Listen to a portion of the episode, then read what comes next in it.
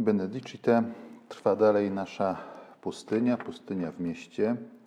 Jakkolwiek szokujące może nam się wydawać to sformułowanie, ale przez nie chcemy przypomnieć wszystkim, że pustynia jest doświadczeniem powszechnym. Czy chcemy, czy nie chcemy, dotyka ona każdego i każdą z nas. Dlatego warto z pustynią się zmierzyć, nie warto z niej uciekać, ponieważ są tam ukryte prawdziwe skarby. Z naszych rozważań na poprzedniej konferencji już zobaczyliśmy, że pustynia w pewnym sensie ma taki podwójny wymiar. E, z jednej strony bowiem możemy mówić o tej pustyni w sensie biblijnym, kiedy to e, uświadamiamy sobie, że jest to miejsce, na które wyprowadza nas Bóg.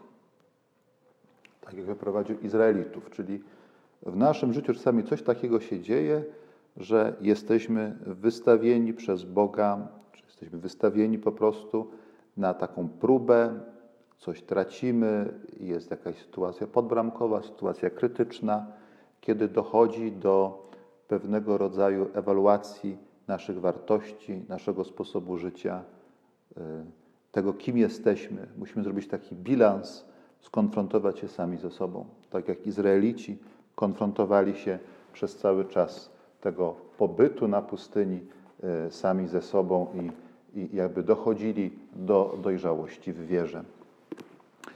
Y, jeśli chodzi o tekst, który o tym mówi najbardziej w taki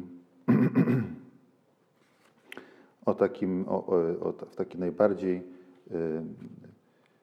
piękny sposób y, jest to y, homilia 27 Orygenesa do Księgi Liczb, kiedy opisuje on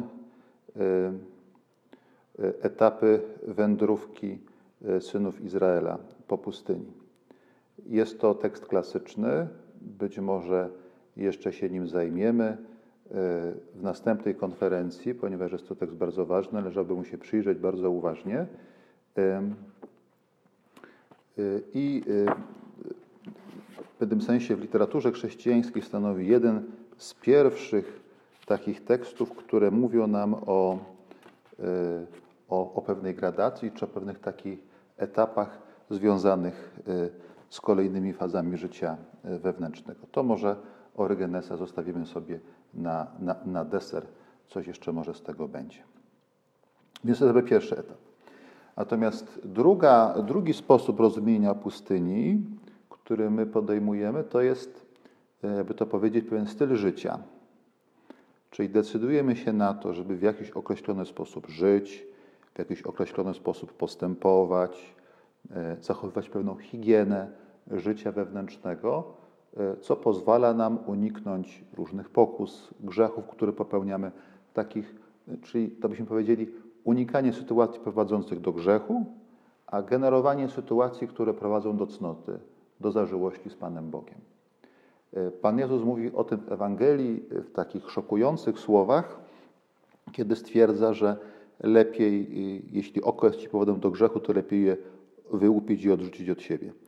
To jest taki specyficzny styl wyrażania się, e, właśnie szokujący nas dzisiaj troszeczkę, nikt by tak nie powiedział, ale jeśli wmyślimy się w ten tekst, to zobaczymy, że przecież w naszym życiu bardzo często zdarzają się różnego rodzaju sytuacje, które dla nas jakby unikanie ich jest prawie równoznaczne z tym, jak gdybyśmy mieli odciąć sobie rękę. Prawda? Jest to jak gdyby tego typu problem. E, zatem warto e, w taki sposób na to popatrzeć, e, w taki sposób o tym myśleć, o pustyni jako pewnego rodzaju stylu życia. Tak sobie właśnie żyjemy, taką rzecz robimy,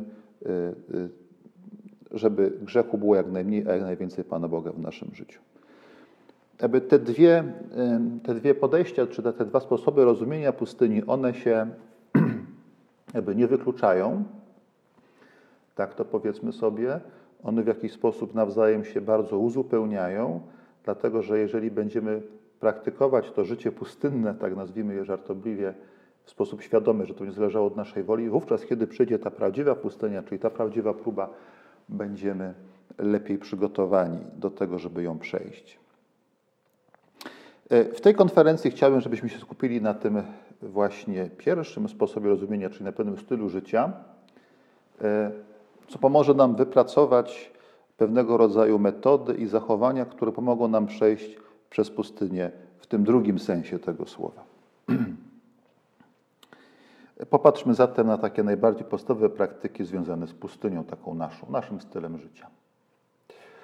Więc pierwszą postawą, która mm, sprzyja, czy jest taką właśnie postawą pustynną, jest postawa milczenia.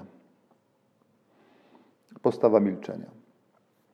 Y, w milczeniu chodzi nie tyle o to, żeby nie mówić.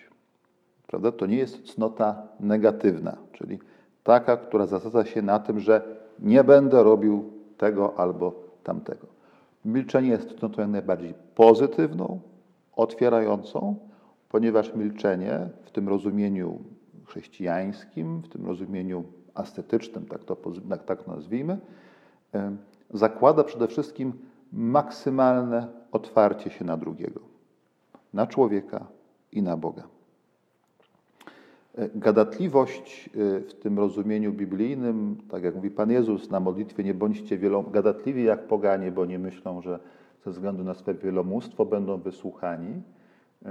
Tu chodzi też o to, żeby e, przede wszystkim oddać inicjatywę na chwilę Panu Bogu i drugiemu człowiekowi, czyli milczenie pozwala nam usłyszeć, co druga osoba ma do powiedzenia.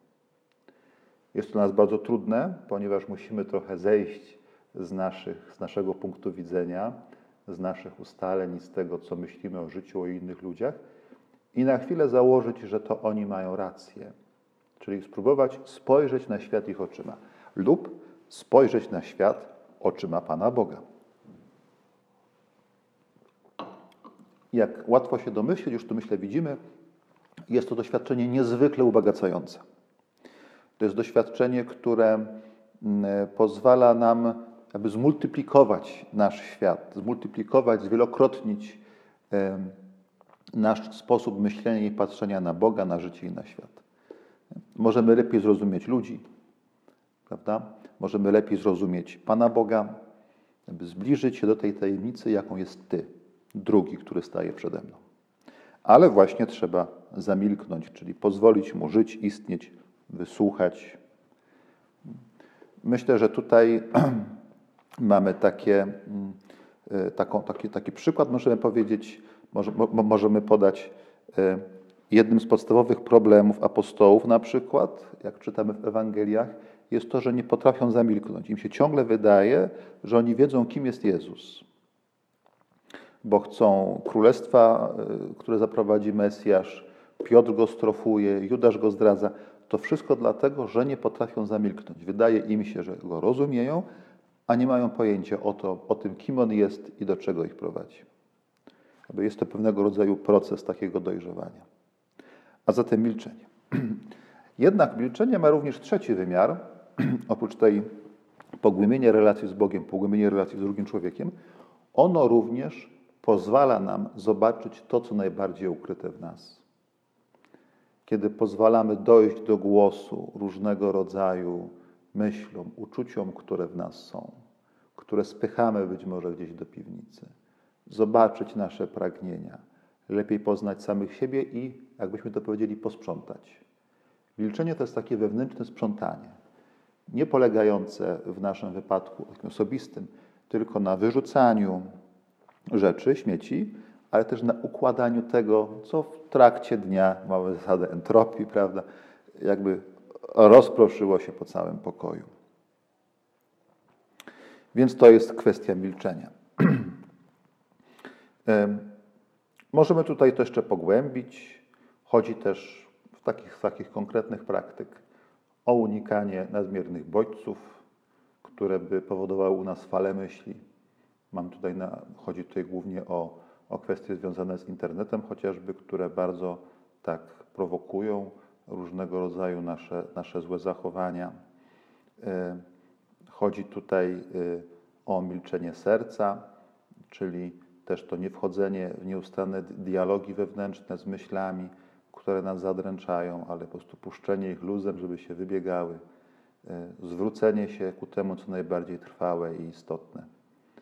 E, jedną z tych praktyk, które do milczenia prowadzą, jest praktyka modlitwy Jezusowej, czyli to powtarzanie wezwania Panie Jezu Chryste, Synu Boży, miej litość dla mnie grzesznika, ponieważ człowiek chwytając się tego wezwania niejako przeskakuje ponad tymi dręczącymi go myślami i koncentruje się jedynie na tej modlitwie jednozdaniowej, monologicznej, dzięki czemu wprowadza również uporządkowanie w rdzeni swojego bytu. Więc to jest kwestia milczenia. To jest taka gra, czy takie ćwiczenie, które trwa bardzo długo, rozciąga się na całe nasze życie. Tak naprawdę nigdy nie można powiedzieć, że już teraz nie muszę milczeć. Ciągle się tego uczymy, nikt nie może powiedzieć, że potrafi. Jest to walka oczywiście ciągła, ale również pewna praktyka dająca niesamowitą siłę. Więc milczenie. Z milczenia wypływają dzieła miłosierdzia. Myślę, że mm, w naszym potocznym rozumieniu za mało doceniamy, jak ważne w życiu chrześcijańskim, w życiu modlitwy są dzieła miłosierdzia. Y, tutaj w tym wypadku trzeba docenić jałmużnę. Y, pamiętajmy o tym, że jałmużna jest jednym z podstawowych dobrych uczynków, tak jak to uczy katechizm, y, i ona w swojej naturze, ze swojej natury polega na tym, żeby udzielać konkretnej pomocy ludziom, którzy nas potrzebują, w sposób, w jaki oni potrzebują. Czyli to nie może być tak, że w przypadku jałmużny y, dajemy cokolwiek komukolwiek, ale dajemy to, co potrzebne i to, co oczywiście możemy, temu, który czegoś od nas potrzebuje. Proszę popatrzeć, jak znowu tutaj mm, następuje pewnego rodzaju wyjście z okopów. Trzeba się wymyśleć drugą osobę, zobaczyć, czym ona żyje, e, zrozumieć ją, nawiązać z nią kontakt, relacje, okazać jej serce. E, znowu porzucanie jakby takiego naszego egocentryzmu i, i skupianie się takim, takim bezinteresowne na, na drugiej osobie. To jest niesamowicie ubogacające, ponieważ buduje wspólnotę. E, wiem, że z tego, co mówię do tej pory, może nam się wydawać, że ta pustynia jest taka bardzo gwarna, no ale też pomyślmy sobie o tej pustyni Izraelitów. Przecież jak oni szli, tam nie było milczenia. Tam były dzieci, kozy, krowy, yy, yy, cały dziki tłum. Zwijali ten obóz, rozwijali, deli na tych trąbach. Ta pustynia izraelska była pełna gwaru, ale byli tam oni tylko oni i Bóg ta wspólnota i, i właśnie y, to, to życie, które było y, na pustyni. Więc pomyślmy sobie o tych praktykach pustynnych, o tym, w jaki sposób praktykowali je, praktykowali je Izraelici. Te dwie rzeczy, czyli y, milczenie i, i dzieła miłosierdzia, czyli takie to otwieranie się na bliźnich, szykują nas do tego, żebyśmy się, to już było trochę mowa o milczeniu, skonfrontowali się z tym, co mroczne i ciemne, z tym, co spychane w nas. Mamy tendencję do tego, żeby unikać konfrontacji, odsuwać rozwiązanie problemów. Pustynia, czyli to skupienie się na tym, co najważniejsze, daje nam siłę do tego, żebyśmy zmierzyli się z naszymi wewnętrznymi upiorami i spróbowali to rozwiązać. I tutaj bardzo ważną rzeczą jest praktyka rodząca się właśnie z milczenia, w tym sensie, jakim żeśmy mówili powyżej, polegająca na tym, że otwieramy serce. Czyli to takie najbardziej wewnętrzne, intymne sanktuarium naszej duszy. Tam, gdzie przechowujemy te rzeczy dla nas najbardziej ważne, ale też te najbardziej wstydliwe. I mamy odwagę, jesteśmy gotowi do tego, żeby powiedzieć o tym komuś, do kogo mamy zaufanie powiedzieć o tym komuś, do kogo mamy zaufanie, mm, z kim jesteśmy gotowi, żeby porozmawiać, z kim jesteśmy gotowi, aby się z nim skonfrontować i opowiedzieć mu te różnego rodzaju historie i wysłuchać tego, co ma nam do powiedzenia. W potocznym sensie tego słowa mówimy, mm, mówimy o tym, że mm, jest to praktyka kierownictwa duchowego, jakaś spowiedź u księdza, do którego mamy zaufanie, ale też do kogoś, do kogo generalnie mamy zaufanie. To może być też rozmowa, nie musi być to wydarzenie sakramentalne. E, I jest to pewna praktyka, którą e, warto docenić, którą może troszeczkę spychamy gdzieś na bok i, i, i jest e, ona tak właśnie od nas nieco może zbyt daleko, ale warto na to popatrzeć w taki sposób pełen skupienia i, i takiego mm, rozmodlenia.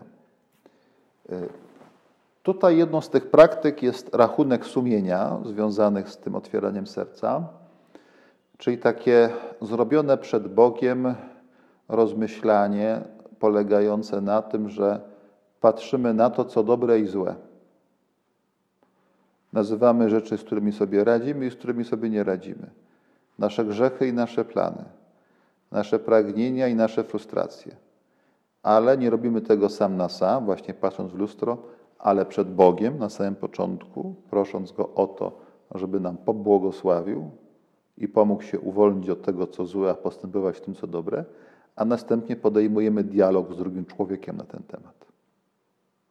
Samo wypowiedzenie rzeczy trudnych osłabia je, a wypowiedzenie rzeczy dobrych wzmacnia. Mówimy tutaj o dialogu niezwykle intymnym, to nie jest temat, żebyśmy o tym rozmawiali ze wszystkimi, ale właśnie z pewną wybraną, z pewną wybraną osobą w, takiej, w takim zaufaniu i głębokiej intymności, ale ta, ta praktyka daje nam niesamowitą siłę. A zatem popatrzmy. Pustynia, tak jak ona nam się jawi, wzmacnia naszą relację z Bogiem, z bliźnimi i z samymi sobą. Wcześniej być może żyliśmy w jakimś takim wycofaniu, naszym własnym świadku, a teraz zaczynamy żyć naprawdę Teraz zaczynamy, uczymy się żyć tak, jak uczyli się żyć Izraelici na pustyni. I te trzy praktyki prowadzą nas do praktyki czwartej, czyli do modlitwy. Modlitwy, która jest przede wszystkim byciem z Bogiem. Jest przede wszystkim byciem z Bogiem, czyli budowaniem z Nim relacji i więzi. I modlitwa, czyli to przebywanie w Bożej obecności, może mieć bardzo różne formy, dlatego bardzo dobrze byłoby mieć jakąś taką swoją regułę modlitewną, taką porządkującą nas regułę modlitewną. Ta e, porządkująca nas reguła modlitewna, na przykład Państwo mieliście teraz tego okazję doświadczyć, kiedy byliście z nami na liturgii godzin, e, może być oparta na brewiarzu właśnie. E, teraz nie ma z tym problemu, są wersje internetowe na www.brewiarz.pl E, można sobie tam wybrać odpowiednie godziny kanoniczne, można sobie kupić taki jednotomowy brewiarz dla świeckich, czy, czy, czy pełniejszą wersję liturgii godzin i opierać się nawet na jutrzni i na nieszporach na początek. Modlić się codziennie jutrzniami, jutrznią i nieszporami, albo nieszporami i kompletą. I pilnować tego, żeby to było systematyczne, ponieważ to właśnie daje nam takie bardzo mocne oparcie na Słowie Bożym. E, jest też włączeniem się naszego nurtu modlitewnego w nurt modlitwy całego Kościoła. To już nie jest prawda tak, że mamy tylko nasze jakieś swoje drobne pobożności, ale modlimy się wraz z całym Kościołem i modlimy się wspólnie. Dwie najważniejsze godziny kanoniczne to są właśnie jutrznie i nieszpory i, i od nich warto zacząć. Tak samo z modlitwą wiąże się, może się wiązać czytanie Pisma Świętego. E, też codzienne, po kilka, kilkanaście minut. Y, może być oparte na, czyta, może być oparte na czytaniach z dnia. To też nas będzie wkorzeniało w liturgię, czyli w tą modlitwę całego Kościoła i rozważanie tego, co Kościół daje nam do czytania w czasie mszy świętej na dany dzień. Y, można traktować to jako taki osobisty rodzaj spotkania z Panem Bogiem i warto na temat lekcji Divina jeszcze więcej sobie poszukać, poczytać, y, tak żeby, żeby ta praktyka stała się dla nas taka bardziej oczywista i bardziej jasna. I trzeci element to oczywiście jest modlitwa Jezusowa, o której już, o której już była mowa i która myślę jest praktyką bardzo znaną. Mamy zatem te cztery filary. Jak widzimy, one zazębiają się ze sobą. One są ze sobą bardzo ściśle związane. Z milczenia tak rozumianego, jakśmy to opisali, wypływa to, że zaczynamy być wrażliwi na naszych braci, nasze siostry, zaczynamy pełnić dzieła miłosierdzia. E, widzimy wówczas, co nam przeszkadza w kontakcie z ludźmi i z Bogiem. E, w związku z tym chcemy otworzyć serce, zrobić sobie tam porządek, e, a to wszystko prowadzi nas do tego, że potrzebujemy dużo siły, światła, jakiegoś oparcia się w kimś, kto jest potężny i dlatego wchodzimy w relację z Bogiem i tą relacją jest modlitwa. I zaczynamy od początku, pogrążamy się bardziej w milczeniu, czyli tym budowaniu relacji i w tych dziełach miłosierdzia i tym sprzątaniu własnego serca. Są to zatem te cztery praktyki, które mamy. Myślę, że warto popatrzeć na nie w świetle Ewangelii o kuszeniu Pana Jezusa. To jest zaraz na początku Ewangelii Mateusza, y, Marka. Warto tam popatrzeć i zobaczyć, w jaki sposób Jezus milczał, w jaki sposób konfrontował się z tym, co, co, co mroczne, w jaki sposób walczył z szatanem, w jaki sposób wybierał Pana Boga i w jaki sposób y, tak przygotował się do tego, żeby pełnić dzieła miłosierdzia wobec ludzi, kiedy rozmnażał chleb, bądź kiedy ich uzdrawiał. Więc z tego doświadczenia Jezusowego pustyni bierze się e, cała późniejsza jego działalność nauczycielska. Zresztą potem wiemy, że na pustynię sam regularnie odchodził. Być może czujecie się troszeczkę rozczarowani tym nadmiernym aktywizmem, ale na pustyni trzeba coś robić. Jeden z pustelników, który żył jako właśnie na samotności około 10 lat, powiedział mi, że najwięcej czasu na pustelni zajmują codzienne obowiązki. No bo jest sam, musi się sam ugotować, wyprać, sprzątnąć, zająć się e, obejściem. No i jak musi to robić dzień w dzień i potem jeszcze odmówić całe oficjum i mszę świętą odprawi, no jeszcze musi spać, prawda? No więc na tą modlitwę taką, no i praca jakaś tam trzeba do, do wykonania taka, żeby było z czego żyć, no to już na taką modlitwę osobistą zostaje bardzo mało czasu. Więc ten taki rytm i dyscyplina są rzeczami niezwykle ważnymi. Oczywiście mogę dodać i piąty, tutaj piątą praktykę, że od czasu do czasu warto wycofać się w ogóle z codziennych układów i pobyć sam na sam z Panem Bogiem. To jest może ta pustynia w trzecim sensie, o której tutaj wszyscy najbardziej myślimy, ale chodziło mi też o to, żebyśmy zobaczyli, jak pustynia jest pojęciem wieloznacznym i nie mieszali tych różnych poziomów i różnych pojęć. Zostaje nam zatem jeszcze konferencja o księdze liczb, o tych różnych etapach wędrówki na pustyni. Ten pierwszy tekst chrześcijański, który też kształtował pobożność monastyczną, pobożność mnichów, nim zajmiemy się na samym końcu.